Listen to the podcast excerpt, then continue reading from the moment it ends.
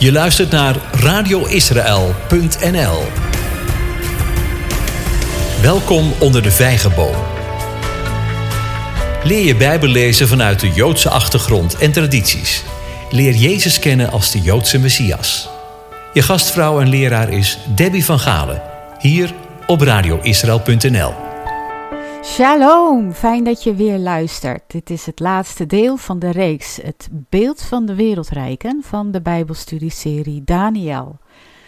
Dit laatste deel heet De Cats of Het Rijk van de Tien Tenen en de Steen. De vorige aflevering focusten we vooral op het leren verstaan van de betekenis van de voeten van het beeld waarover koning Nebukadnezar droomde. Dat leverde een grimmig beeld op, die over onze tijd gaat. Maar daar blijft het, God zij geprezen, niet bij. In deze aflevering belanden we uiteindelijk bij het absolute einde van dat kwaadaardige rijk, de Kets, door de onvermijdelijke, glorieuze komst van het eeuwig heerlijk koninkrijk van God, de steen. We zijn bij de tenen aanbeland. We lezen Daniel 2, vers 33 tot 35. 33 tot 35. En Daniel 2, vers 41 tot 45. Daniel 2, vers 41 tot 45. Daniel 2, vers 33. Zijn benen van ijzer, zijn voeten gedeeltelijk van ijzer, gedeeltelijk van leem. Hier keek u naar, totdat er, niet door mensenhanden, een steen werd afgehouwen. Die trof dat beeld aan zijn voeten van ijzer en leem en verbrijzelde die. Toen werden het ijzer, het leem, het brons of koper, het zilver en goud tegelijk verbrijzeld. Ze werden als kaf op een zomerdorsvloer. De wind voerde ze weg, totdat er geen spoor van teruggevonden werd. Maar de steen die het beeld getroffen had, werd tot een grote berg en vulde de hele aarde. Gaan we naar vers 41. Dat u verder de voeten en de tenen, gedeeltelijk van leem van een pottenbakker en gedeeltelijk van ijzer gezien hebt, dat zal een verdeeld koninkrijk zijn. Het zal iets hebben van de hardheid van ijzer, juist daarom zag u ijzer vermengd met modderig leem. Dat was toch in de voeten, weet u nog? En de tenen van de voeten, gedeeltelijk van ijzer en gedeeltelijk van leem, gebakken dus. Dat koninkrijk zal gedeeltelijk sterk zijn en gedeeltelijk broos. Dat u gezien hebt ijzer vermengd met modderig leem, ze zullen zich door menselijk zaad vermengen maar ze zullen zich niet aan elkaar hechten zoals ijzer zich niet vermengt met leem. In de dagen van die koningen zal de God van de hemel echter een koninkrijk doen opkomen dat voor eeuwig niet te gronden zal gaan en waarvan de heerschappij niet op een ander volk zal overgaan. Het zal al die andere koninkrijken verbrijzelen en teniet doen, maar zelf zal het voor eeuwig stand houden. Daarom hebt u gezien dat, niet door mensenhanden, uit de berg een steen werd afgehouwen, die het ijzer, koper, leem, zilver en goud verbrijzelde. De grote God heeft de koning laten weten wat hierna geschieden zal. De droom is waar en de uitleg ervan betrouwbaar. We hebben in de vorige afleveringen bij elkaar nu alle edelmetalen voorbij zien komen en hun erfenissen en de patronen. En we hebben ook gezien dat die in de voeten allemaal samenkomen. En daarom is het volkomen logisch dat er staat in Daniel 2, vers 35, dat het ijzer, leem, koper, zilver en goud tegelijk verbrijzeld worden, omdat ze allemaal aanwezig zijn in de voeten. Dat gezegd hebben, een paar jaar geleden gleed ik onderweg naar beneden van de trap en landde daarbij tamelijk ongelukkig onderaan op de mat. Ik had in die val mijn grote teen gebroken, die bij nader onderzoek in het ziekenhuis ook scheef bleek te staan. Nou lag ik thuis al op de vloer te creperen van de pijn. Toen mijn scheve, gebroken teen in het ziekenhuis zonder vooraankondiging even snel gezet werd, vloog ik echt tegen het plafond. Dat hebben ze gehoord in het hele ziekenhuis, vrees ik. Daarna was ik een week of zes behoorlijk onthand, letterlijk, met één voet in het gips en alleen krukken om me mee voor te bewegen.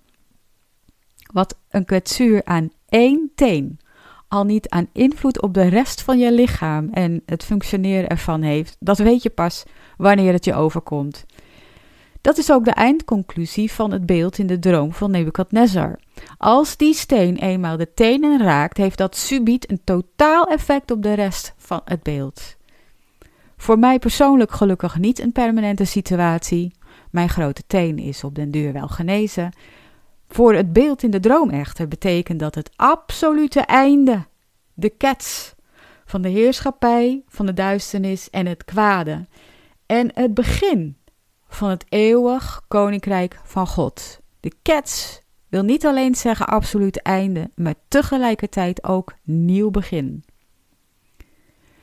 In de patronen die we in de vorige afleveringen van deze reeks hebben waargenomen en hebben kunnen toepassen op de voeten, in de vierde aflevering hebben we het nog niet gehad over hun geografische duiding, zoals met de armen, de benen, uh, de buiken en de onderbenen. Het hoofd, Babylonië, lag daar centraal als kloppend hart tussenin. En dat is tegelijkertijd op symbolische wijze ook in de wereldrijken die volgden. Het geld is altijd de hoofddrijfveer geweest, de mammon waarover Jezus het had. Hij stelde het heel scherp: je kunt niet twee heren tegelijk dienen. Of je dient de Allerhoogste God van hemel en aarde, of je dient de mammon. Zoals het hoofd in het beeld van Nebukadnezar alle erop volgende wereldrijken aan heeft gestuurd tot op vandaag, zo stuurt Christus, de Messias en Verlosser, Jezus, zijn lichaam aan. Hij is het hoofd ervan. Er is geen tussenweg, geen compromis mogelijk. Je hoort of tot het ene lichaam of tot het andere. Geografisch gezien dus spreiden alle wereldrijken tot en met de onderbenen zich uit richting het oosten en richting het westen opmerkelijk detail is dat op de kaart van Italië een eiland te zien is dat ligt aan de tenen van de laars. Als het ware een constant zichtbare herinnering en hou vast voor hen die het willen zien aan de droom van het beeld en de belofte daarin voor de tijd van het einde, namelijk de steen. Voor de voeten geldt ook een geografische duiding, alleen zij beslaan een groter oppervlak dan de onderbenen natuurlijk.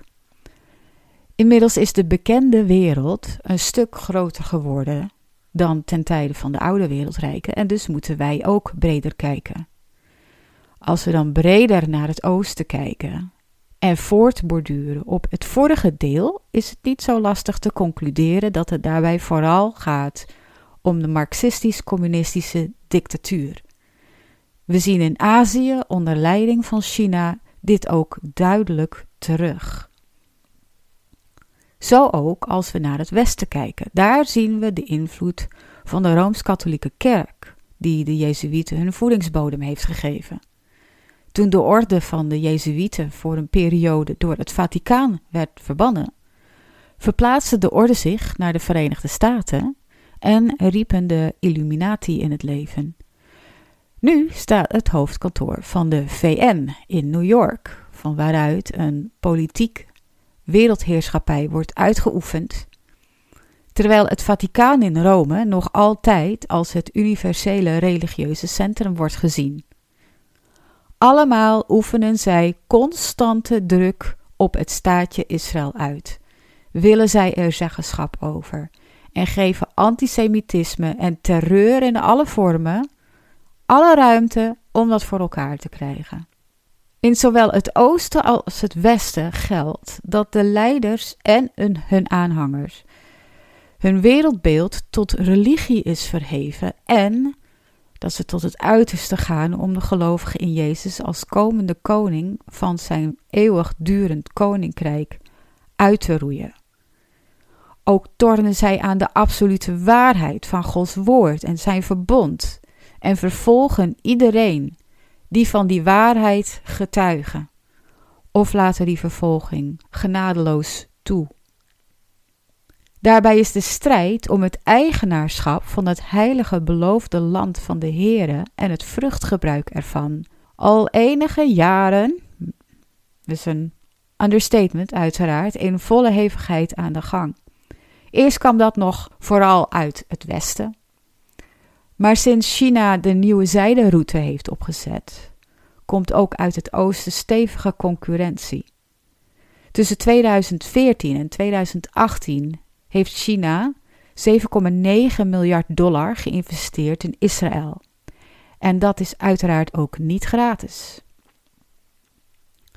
Alle voorgaande rijken samengekomen in de voeten vormen dus nu al enige tijd een tyranniek systeem, het beest, dat volkomen onderwerping van de mensheid, slavernij dus, aan zichzelf voor ogen hebben ten dienste van een superrijke elite. Nu we het einde naderen, weten we ongeveer in welke hoeken we die op dit moment moeten zoeken, namelijk bij de erfenissen van alle oude wereldrijken, inclusief het oude Romeinse Rijk, dat zich heeft omgevormd tot wat we nu kennen. Alleen, we zijn nog niet op het punt dat is uitgelopen in de tien tenen. Dat wil zeggen, we kunnen de tien individuen nog niet specifiek bij naam identificeren. Er zijn er een heleboel en je kunt er een heleboel namen noemen, maar je komt toch uit op meer dan tien. Dus van die tien tenen zijn nog niet specifiek te identificeren. Wat we wel zien, is dat het systeem van het beest op wereldwijd niveau, zowel op politiek-economisch als religieus vlak en zowel vanuit het oosten als vanuit het westen actief is en aanzwelt. Dat is goed nieuws voor ons die Jezus volgen. Hoe meer en harder het rijk van het kwade zich wil laten gelden, des te meer wij bevestigd zien dat het einde dichtbij moet zijn. Voor verdere interpretatie van de voet en voornamelijk ook de tenen kunnen we niet zonder onder andere Daniel 7 en 12 en Openbaring 13, 17 en 18. Voordat we het boek Openbaring erbij pakken, wil ik daarover eerst een paar dingen met u delen. Van de week liep ik door het winkelcentrum bij ons in het dorp en passeerde een pop-up wijnwinkeltje. Om de aandacht van potentiële klanten te trekken, had de jonge eigenaar een wijnvat op een zijkant gezet en er bovenop een ingepakt voorwerp, grijs spul, wat er vreemd uitzag. Ernaast stond een bordje: Weet u wat dit is? Blijkbaar een wedstrijdje wie het goed raadt krijgt, weet ik het, een fles wijn of zo. Ik denk dat je wel echt een wijnkenner moet zijn om enige kans van slagen te hebben, want dat had een vreemde vorm. Uiteraard heeft de winkelier een tijdstip vastgesteld waarop hij de verpakking verwijdert, oftewel de bedekking wegneemt en de inhoud ervan bekend maakt. Pas dan zal er zekerheid zijn voor degenen die bekend zijn met zijn métier, zijn ambacht. En dat is precies ook het punt van de openbaring van Johannes en ook in Daniel. Het is u niet onbekend dat er vele theologen en bijbeluitleggers zijn en zijn geweest die hun tanden hebben stuk gebeten hierop en veel van hun volgers in verwarring hebben achtergelaten. De reden daarvoor is, is omdat men probeert profetieën te verklaren zonder voldoende kennis en voordat de bedekking verwijderd is op het aangewezen moment. Totdat de bedekking is weggenomen, kan men slechts gissen, blijft het een mysterie, een geheimenis. Wat we dus ook lezen aan het einde van het boek Daniel, dat hij bijvoorbeeld de rollen moest verzegelen. Daniel 12, vers 4, 8 en 9. Daniel 12, 4, 8 en 9. Er staat, maar u, Daniel, houdt deze woorden geheim. En verzegel dit boek tot de, eind, de tijd van het einde, de kets. Velen zullen het onderzoeken en de kennis zal toenemen. Ik echter, Daniel, ik echter, ik hoorde het wel, maar ik begreep het niet. En ik zei: Mijn heren, wat zal het einde hiervan zijn? Toen zei hij: Ga heen, Daniel, want deze woorden blijven geheim en verzegeld tot de tijd van het einde. De cats. De geëikte interpretatie is dat dit refereert aan de zegels die in het boek Openbaring worden genoemd. Maar laten we het eens kijken, eh, bekijken in de context van de oude gebruiken. Eigenlijk heel eenvoudig. En ik zal het illustreren met een uh, hedendaags voorbeeld. Mijn zoon woont nogal ver weg. En het is daarom niet makkelijk, zeker in deze tijden niet, om hem op te zoeken. Daarom stuur ik hem met enige regelmaat een pakket. Het laatste pakket dat ik verstuurde bevatte allerlei cadeaus en kaarten voor verjaardagen en feestdagen. De cadeaus kregen allemaal een inpakpapiertje dat bij het juiste feest hoorde en de kaarten zaten in dichtgeplakte enveloppen met de namen erop van degene voor wie ze bedoeld waren. Daarbij had ik aangegeven voor wanneer welke kaart bedoeld was. Vrijwel alle kaarten zijn inmiddels op de aangegeven tijd opengemaakt op mijn aanwijzingen, maar er is er nog één die dicht is. En die blijft dicht tot op het moment dat een heugelijke gebeurtenis heeft plaatsgevonden. De inhoud ervan blijft dus tot die tijd geheim voor mijn zoon.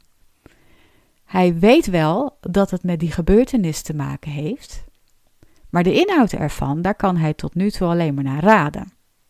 Dat heeft weinig zin, dus gelukkig laat hij dat maar met rust.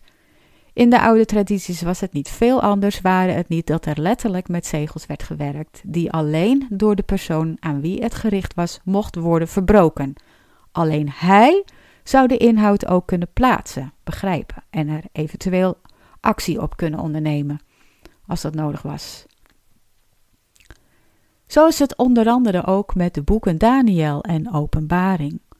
Voortijdig proberen de inhoud te verklaren is zinloos. Het leidt tot verwarring en frustratie, pas wanneer de afzender ervan aangeeft dat de verzegeling verbroken mag worden, zal de inhoud en de betekenis ervan bekend worden en begrepen. Het is daarom ook duidelijk in welke periode van een profetie we leven, wanneer de bedekking is weggenomen en de inhoud te verklaren is.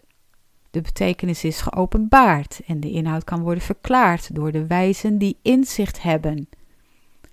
Degenen die de uitleg horen, zullen de waarheid ervan herkennen, want er is geen twijfel meer over. Dat is overigens wat het Griekse woord apocalyps betekent: openbaring of het vrijgeven van grote kennis en niet, zoals we het heel vaak horen en zelfs in woordenboeken staat, het rampzalig einde van de wereld. En zoals het boek Openbaring steeds gelezen is, is door een Griekse bril, dat wil zeggen lineair. En vaak met Grieks-Romeinse mythologie in het achterhoofd. Echter, niets is minder waar. Het mag dan wel geschreven zijn in het Grieks, maar de typologieën, de beeldspraken en de schrijf- en spreekstijl zijn typisch Joods. Openbaring is niet bedoeld als boek in eerste instantie, waardoor men het ging zien en lezen als een mystiek verhaal, maar als een apocalyptische tekst, als brief en als profetie. Dat wil zeggen, het is een hemels visioen over de tijd van het einde het is een brief aan de zeven gemeenten in Azië en een profetie. Is er dan verschil tussen profetie en een openbaring, hemels visioen over het einde? Ja, vanuit Joods perspectief gezien wel. Een profetie heeft in de eerste plaats niet de voorspellende functie die het in het Westen heeft gekregen, maar een proclamatie van een voorheen erkende waarheid, een oproep tot bekering, tot een vergeten waarde of norm, en een waarschuwing om de belangrijke zaken niet uit het oog en hart te verliezen, want er zijn consequenties aan verbonden. In dat licht staan dan ook de zeven introducties in de brieven aan de zeven gemeenten opgesteld, voordat Johannes de Apocalyps beschrijft. Het woord voor openbaring in het Hebreeuws is hitgalut. Hitgalut. Dat net als zijn Griekse tegenhanger apocalyps blootleggen wat bedekt was betekent. Het komt van de wortel gala. Gala. Dat blootleggen, onthullen of blootstellen betekent. Er is nog een ander Hebreeuws woord dat daar erg op lijkt, galut. Galut, dat verbanning betekent. Er is een verband tussen deze twee woorden die precies in de context van openbaring, maar ook bijvoorbeeld in het beeld in de droom van Nebukadnezar passen. De onthulling van gebeurtenissen in de hemelse gewesten toen en in de tijd van het einde die direct verband houden met wat er op aarde plaatsvindt en met Israël, al dan niet in ballingschap, al dan niet vrijwillig. Met andere woorden, de aardse gebeurtenissen worden gepresenteerd in het licht van de hemelse gebeurtenissen, een grotere realiteit onthullend. Die connectie is erg belangrijk om in het achterhoofd te houden als we het beeld willen kunnen verklaren en met name dan nu de tenen. De indeling van openbaring is ook typerend voor verschillende Joodse literaire stijlen uit die tijd.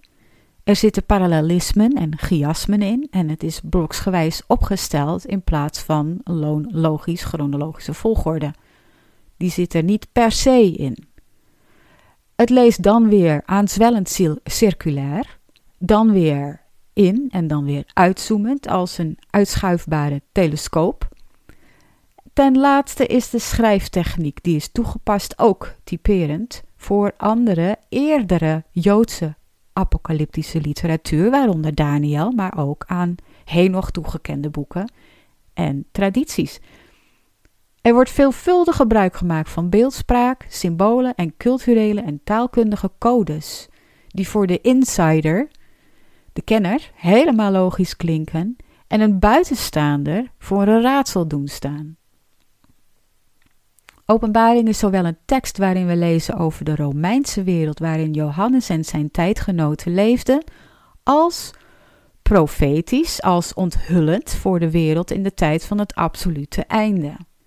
Het is een zeer anti-Rome brief aan de zeven gemeenten waarover de apostelen oudsten hadden aangesteld.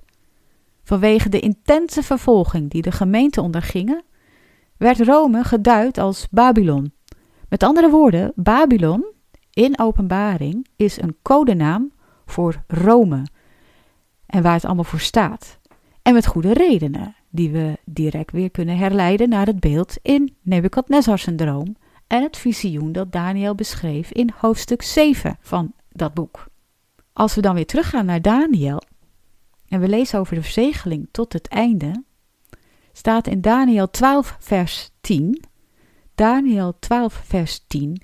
Velen zullen gereinigd, zuiver wit gemaakt en gelouterd worden. En dat is meestal geen pijnloos proces. De goddelozen echter zullen goddeloos handelen, met andere woorden los van Gods wetten. En geen enkele van de goddelozen zal het begrijpen, maar de verstandigen zullen het begrijpen. Zoals de ogen van de inwoners van Sodom ten tijde van hun verwoesting met blindheid werden geslagen, zo worden ook de ogen van de goddelozen verblind, zodat ze het nooit zullen kunnen begrijpen. Zoals de Emmausgangers werd weerhouden om Jezus te herkennen tot een bepaald vastgesteld moment. Zo blijven ook de ogen van de verstandigen, de wijze, inzichthebbende, de insiders, gesloten om de inhoud van de verzegelde profetieën te begrijpen, totdat de vastgestelde tijd ervoor is aangebroken. Laten we dan weer terugkeren naar de tien tenen. Ze zijn van hetzelfde materiaal als de voeten gemaakt, deels ijzer, deels leem, allebei verhit, maar niet allebei gelijk in kracht. Niet allemaal gelijk in kracht. Ze zijn duidelijk onderdeel van de voeten, maar let wel, ze zitten aan het uiterste van deze ledematen, dus zij vertegenwoordigen het systeem dat we in het wereldrijk in de voeten hebben ontwaard. Dat duidt er ook op dat de tenen de tijd van het absolute einde, de kets, verbeelden. En zo lezen we dan ook over de tien horens, die de tien tenen van het beeld zijn, in Daniel 7, vers 7. Daniel 7, vers 7. Daarna keek ik toe in de nachtvisioenen en zie, het vierde dier was schrikwekkend, gruwelijk en uitzonderlijk sterk. Het had grote ijzeren tanden. Het at en verbrijzelde en de rest vertrapte het met zijn poten. Het verschilde van al de dieren die ervoor geweest waren. En het had tien horens. Terwijl ik op de horens bleef letten, zie, een andere kleine hoorn rees daartussenop. Drie van de eerdere horens werden voor hem uitgerukt.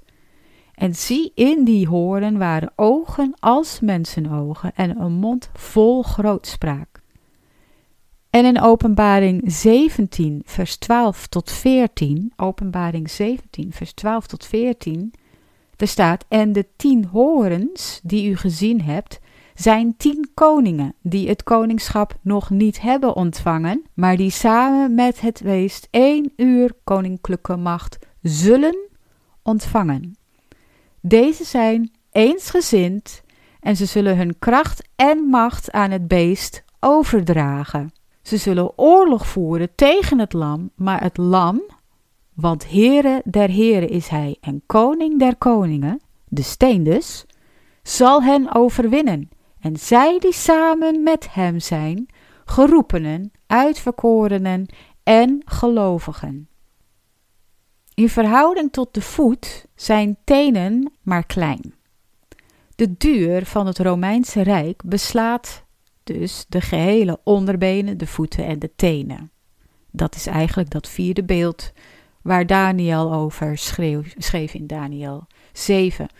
We zijn er dus nog nooit van afgekomen, maar hebben er steeds in andere vorm mee te maken en die weer voor een andere duur. Dat is een gegeven dat de betrouwbaarheid van het beeld en de uitleg van Daniel bijzonder sterk heeft gemaakt voor de rest van de tijd die de wereld nog is gegeven. Vandaar de woorden van Daniel. De droom is waar en de uitleg ervan betrouwbaar. Het deels ijzeren en deels klei systeem van het beest uit wiens naam deze tien handelen is onder hen verdeeld, wat het maakt tot een broos, verzwakt rijk, al heeft het de schijn zeer sterk en onoverwinnelijk te zijn. Uiteindelijk zullen zij elk het grootste stuk van de taart der absolute macht willen hebben, maar beseffen ze ook dat hun macht afhankelijk is van een eensgezindheid, omdat ze uit dezelfde materialen en toch verschillende verhoudingen bestaan. Ze kunnen daarom niet met en niet zonder elkaar. Ze hebben een haat-liefde verhouding met elkaar. Dit gaat ertoe leiden dat drie van hun, die als de zwakste schakels worden gezien, de tenen die het meest broos zijn, de dood zullen vinden, maar daardoor ook plaats maken zullen voor één die Johannes in zijn andere brieven de antichrist noemt. Wat we tot nu toe ontdekt hebben is dit. De macht van de wereldrijken, die waren en nu zijn, staat altijd in verhouding tot Israël, het land en hun God. De tien tenen zullen daarom ook direct invloed hebben op Israël, het land, en hun relatie tot hun God. Het is een feit dat de antichrist zich zal presenteren aan Israël als de lang verwachte, triomferende en verlossende Messias koning en velen zal verleiden, misleiden er zullen diverse redenen zijn waarom dat mogelijk is.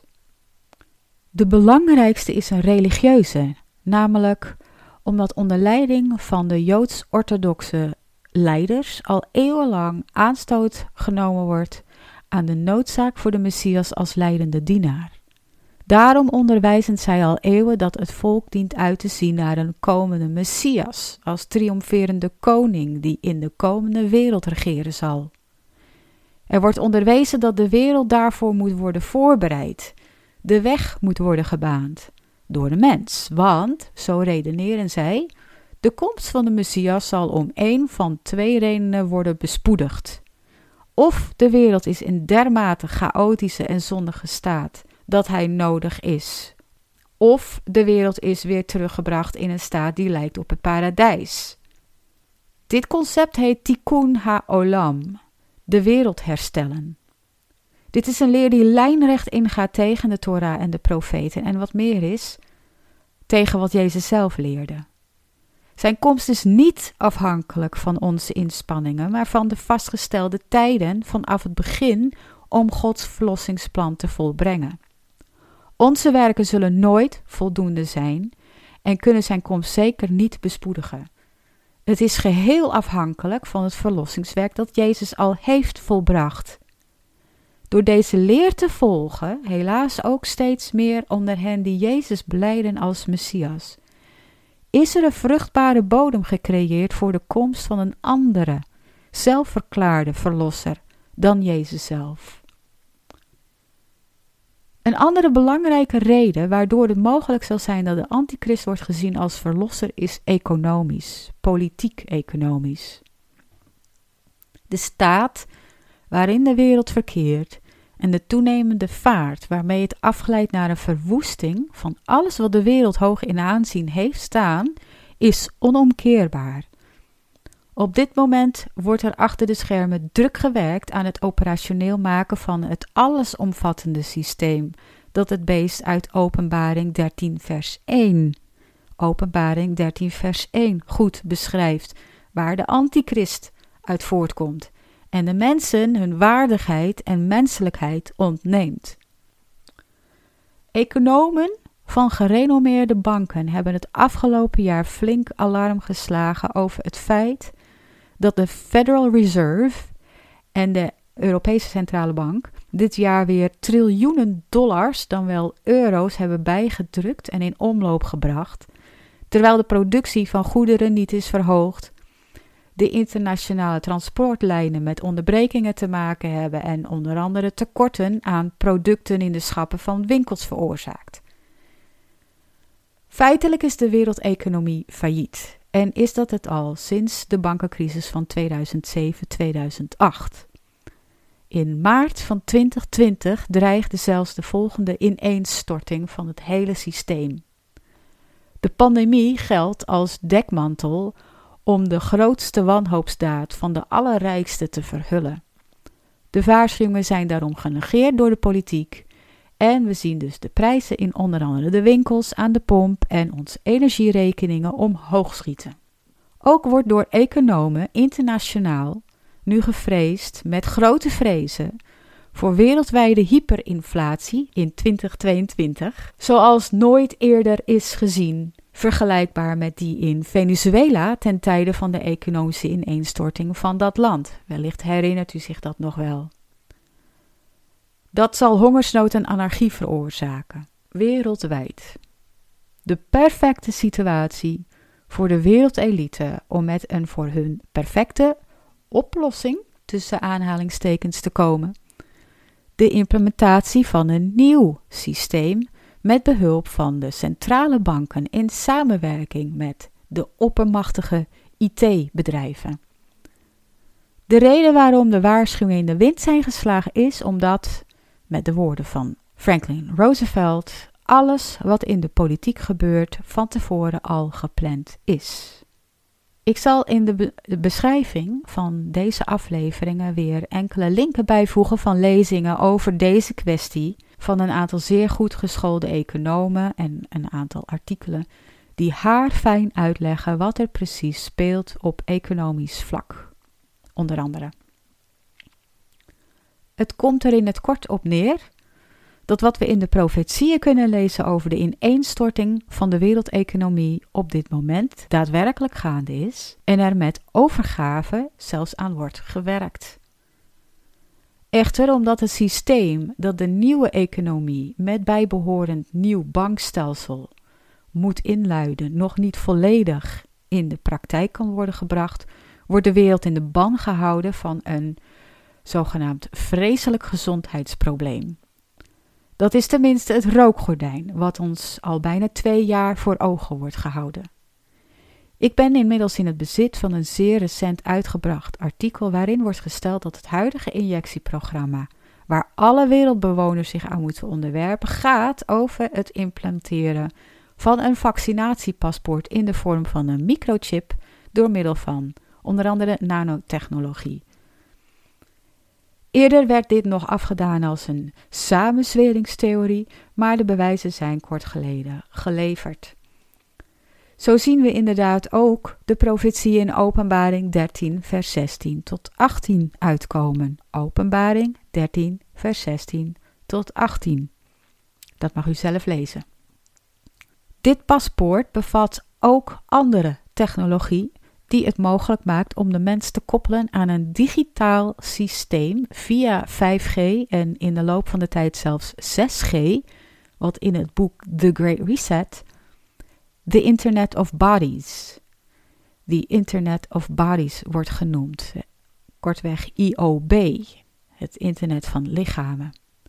De bedoeling is dat het oude bankenstelsel, wat waar wij dus nu nog uh, onderdeel van zijn, wordt opgeheven en geplunderd door de wereldelite, terwijl het nieuwe digitale centrale bankenstelsel in werking wordt gesteld.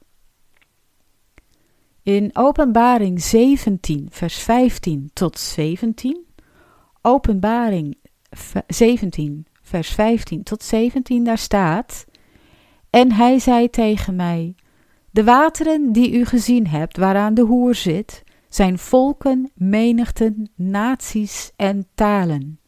En de tien horens die u op het beest zag, die zullen de hoer haten en haar berooid en naakt maken.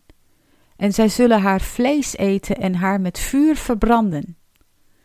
Want God heeft het in hun hart gegeven om zijn plan uit te voeren en dit eensgezind te doen en hun koningschap aan het beest te geven totdat de woorden van God volbracht zijn. Deze woorden echoen de woorden van Daniel in de uitleg van het beeld van koning Nebukadnezar wanneer hij bij de voeten en tenen is aanbeland. Het zeer grote, zeer machtige Babylon, waarover we in de profeten en openbaring lezen, wordt aangedreven door de economische belangen, maar het zal in één uur vallen lezen we in Openbaring 18, vers 16 en 19. Openbaring 18, vers 16 en 19. En alle dan nog in leven zijnde mensen zullen erover rouwen. De kwade plannen die zijn gesmeed tegen de schepper van hemel en aarde, tegen de verlosser van de wereld en tegen zijn schepping, zijn niet levensvatbaar. Ze zijn niet levensvatbaar. Ze zijn bij voorbaat al gedoemd te mislukken. Echter, niet door kracht, noch door geweld, maar door zijn geest. Hem komt de wraak toe. En als wij dat aan hem overlaten, zullen wij volgens Openbaring 18, vers 20, Openbaring 18, vers 20, ons erover verheugen. Er staat: Verblijd u over haar hemel, heilige apostelen en profeten, want God heeft uw vonnis aan haar voltrokken. Zoals de apostel Jacobus al stelde, de liefde voor geld, de liefde voor geld is de wortel van alle kwaad. Tel daarbij op de toverij, de afgoderij en daarmee gepaard gaande losbandigheid. En we hebben precies de ingrediënten voor de op handen zijnde grote verdrukking dat daarin uitmondt. Daarover over een paar tellen meer. Ik zou willen dat we nu meer tijd hadden om de tien tenen te bestuderen in het licht van de erfenissen en de patronen.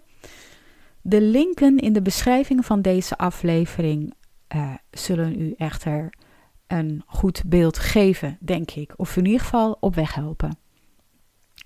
De steen verdient onze aandacht nu, want dat is de belofte van hoop voor de verlosten, de vrijgekochten, de gerechtvaardigden, de verzegelden, de heiligen. We weten dat de grote verdrukking eraan zit te komen, de Bijbel is er duidelijk over. We weten ook hoe die eruit gaat zien als we de schrift goed hebben gelezen. Het is een tijd die de wereld nog nooit heeft gezien. Het gaat dus ons voorstellingsvermogen te boven. Waarom? Omdat het de dag des oordeels is, waarin de beker van Gods toren, lees je in Openbaring 16, vers 19, Openbaring 16, vers 19, de beker van Gods toren zal over de hele wereld worden uitgegoten. De profeten, de apostelen en de vroegste kerkvaders leggen uit waar die toorn van God uit bestaat, namelijk uit zijn oordeel over 6000 jaar opgespaarde schuld, wetteloosheid, goddeloosheid, toverij, onreinheden en ongerechtigheden. 6000 jaar opgespaard.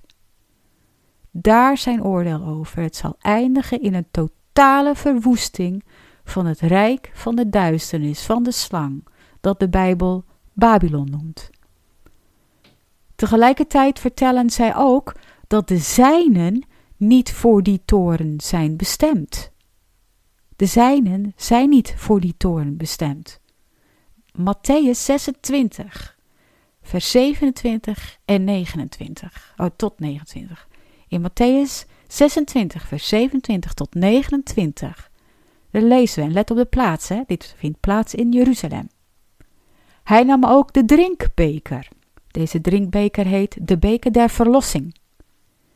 En nadat hij de zegen had uitgesproken, gaf hij hun die en zei: Drink allen daaruit, want dit is mijn bloed, het bloed van het vernieuwde verbond, dat voor velen vergoten wordt tot vergeving van zonde. nu komt het. Ik zeg u dat ik van nu aan van de vrucht van de wijnstok niet zal drinken tot op de dag wanneer ik u met u nieuw zal drinken in het koninkrijk of het huis van mijn vader. Koninkrijk van mijn vader, huis van mijn vader. Dit was destijds in Galilea de traditionele belofte van een bruidegom aan zijn bruid aan het einde van de verlovingsceremonie. Ik zal hem niet meer drinken totdat ik die nieuw met u zal drinken in het huis van mijn vader. Want God heeft ons niet bestemd tot toren, maar tot het verkrijgen van de zaligheid, dat wil zeggen verlossing, door onze Heere Jezus Christus, zegt Paulus in 1 Thessalonicense 5 vers 9. 1 Thessalonicense 5 vers 9. God heeft ons niet bestemd tot toorn, maar tot het verkrijgen van de verlossing. Dit echoot Abrahams woorden die we lezen in Genesis 18 vers 25. Genesis 18 vers 25. Er kan toch geen sprake van zijn dat u zoiets doet, dat u de rechtvaardige samen met de goddeloze doodt. Dan zal het zijn, zo de rechtvaardige, zo de goddeloze. Daar kan bij u toch geen sprake van zijn. Zou de rechter van de hele aarde geen recht doen? En in Genesis 19, vers 16, Genesis 19, vers 16 lezen we: Lot aarzelde echter. Daarom grepen die mannen zijn hand, de hand van zijn vrouw en de hand van zijn twee dochters, omdat de Heere hem wilde sparen. Omdat de Heere hem wilde sparen. Zij brachten hem naar buiten en leidden hem buiten de stad. De toren van God, beste luisteraar, de toren van God, beste luisteraar, de toren van God kan alleen worden uitgegoten over de wereld als de weerhouder, die ik de vorige aflevering al even had genoemd, is weggenomen, zoals de Heere ook tegen Lot had te zeggen, vlak voor de verwoesting van Sodom. In Genesis 19, vers 22, Genesis 19, 22, haast u, vlucht daarheen. Ja, Lot moest ontsnappen. Want ik kan niets doen totdat u daar bent aangekomen. De Heere kon Sodom niet verwoesten totdat Lot was ontkomen. Wie en waarom is er een weerhouder, vraagt u? Goeie vragen. Eerst lezen we even wat de apostel Paulus in 2 Thessalonicense 2 vers 5 tot 8, 2 Thessalonicense 5 vers 8 over de weerhouder zegt en wat zijn functie is. Herinnert u zich niet dat ik u deze dingen zei toen ik nog bij u was? En u weet wat hem nu weerhoudt, opdat hij op zijn eigen tijd geopenbaard wordt. Dus dit is de wetteloze. Want het geheimenis van de wetteloosheid is al werkzaam. De voeten.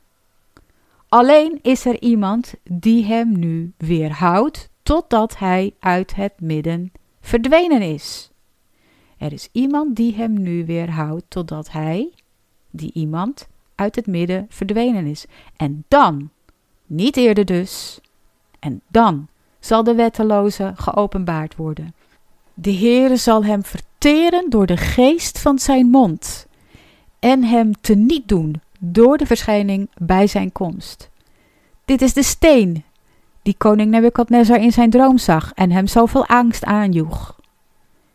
Wie is de weerhouder dan, vraagt u? Ook een goede vraag. De weerhouder is de geest van God die getuigt van de zoon en de opstanding. Over hem kunnen we lezen in uh, deze Bijbelgedeelte. Um, ik wil u vragen die op te schrijven. Ik heb geen tijd helaas om ze met u samen te lezen.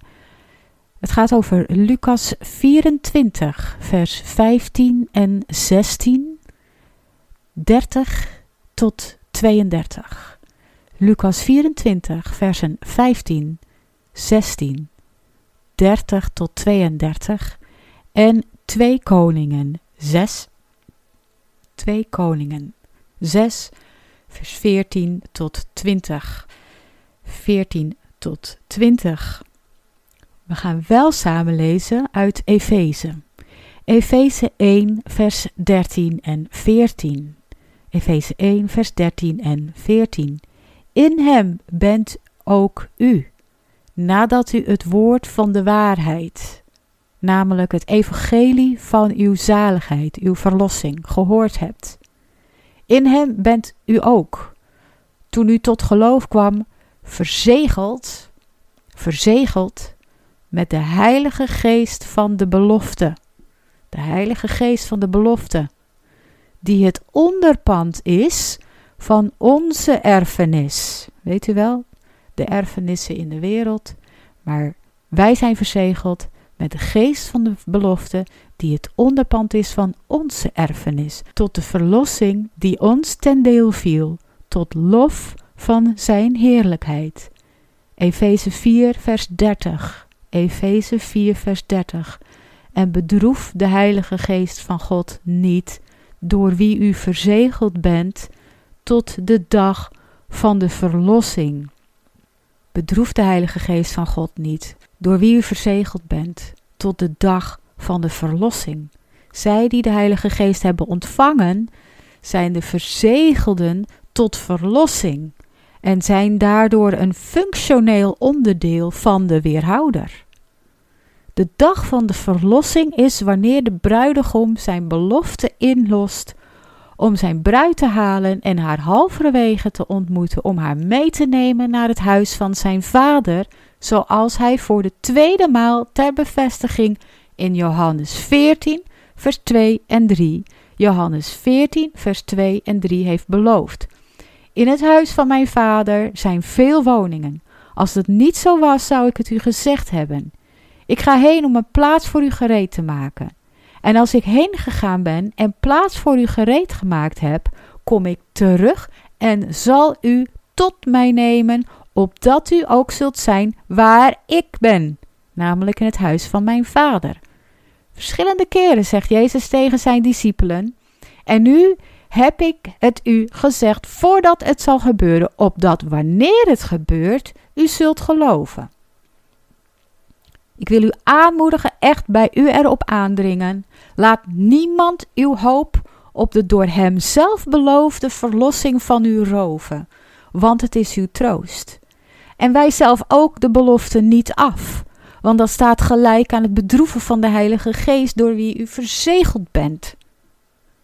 Pas wanneer deze heugelijke gebeurtenis heeft plaatsgevonden, de verzegelden voor de dag van de verlossing zijn weggenomen, is de weerhouder ook weggenomen. En is de dag des oordeels voor de wereld aangebroken? En kan de antichrist doen wat hij wil en macht geven aan wie hij wil? Zie Daniel 11, vers 39. Daniel 11, vers 39. De tien tenen, waarvan drie plaats moeten maken voor hem. Het leidt geen twijfel dat er een duidelijke overgang is tussen een voet en de tenen. Zo zal er ook een duidelijke overgang zijn tussen de tijd van de voeten waarin we ons nu bevinden en de tijd van de tien tenen die zeer nabij is. Echter, die tijd, de tijd die is bepaald, toegekend aan de antichrist, is zeer beperkt, weten we. En dat weet hij ook. Want hij en al de zijnen worden niet lang na het begin ervan vernietigd. De steen die zonder mensen handen zal zijn afgehouden, uitgehouden, zal komen om zijn hele rijk te verpletteren, te verwoesten, tot stof te verpulveren, om te worden weggeblazen door de wind. En er zal nooit meer iets van worden teruggevonden. Dat zal het einde van de grote verdrukking en de heerschappij van de antichrist, de slang zijn. Dan zal het eeuwige koninkrijk waaraan geen einde komt zich vestigen op aarde en zich over de hele wereld uitbreiden. En dan zal de Messias als triomferende koning zijn plaats innemen in de heilige stad en van daaruit regeren zoals de profeten ook hebben voorzegd. Jesaja 9 vers 5 tot 6 Jesaja 9 vers 5 tot 6 Want een kind is ons geboren, een zoon is ons gegeven en de heerschappij rust op zijn schouder. En men noemt hem, men noemt zijn naam wonderlijk, raadsman, sterke God, eeuwige Vader, vredevorst. En aan de uitbreiding van deze heerschappij en aan de vrede zal geen einde komen op de troon van David en over zijn koninkrijk om het te grondvesten en het te ondersteunen door recht en gerechtigheid van nu aan tot in eeuwigheid. De naijver van de heren van de legermachten zal dit doen. Openbaring 22, vers 20 en 21. Openbaring 22, vers 20 en 21. Hij die van deze dingen getuigt, zegt: Ja, ik kom spoedig. Amen. Ja, kom, Heer Jezus. De genade van onze Heer Jezus Christus zij met u allen. Amen. Hiermee zijn we aan het einde gekomen van de reeks, het beeld van de wereldrijken in de Bijbelstudieserie Daniel. Volgende keer zullen we verder gaan met dit Bijbelboek over de reactie van Nebukadnezar op zijn uitleg. Liet Daniel zich aanbidden? Ik bid dat u gezegend, opgebouwd en versterkt vooruit kunt om de tijd waarin we nu leven het hoofd te bieden en sterk te staan voor uw getuigenis van onze Heer en Verlosser, de Allerhoogste God van de hemelen.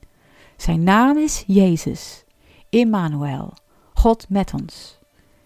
Wilt u reageren op deze uitzending of eerdere? Mail dan naar reactie.radioisrael.nl en ik zal zo spoedig mogelijk antwoorden. Wilt u mij uitnodigen voor een spreekbeurt of bijbelstudie? Stuur uw verzoek daarvoor naar info.radioisrael.nl deze informatie vindt u overigens ook in de beschrijving van deze aflevering. Mijn naam is Debbie van Galen. Je luisterde naar Onder de Vijgenboom, het Bijbelstudieprogramma van radioisrael.nl. Hartelijk dank daarvoor. God zegen en vrede voor jou. En lied groot.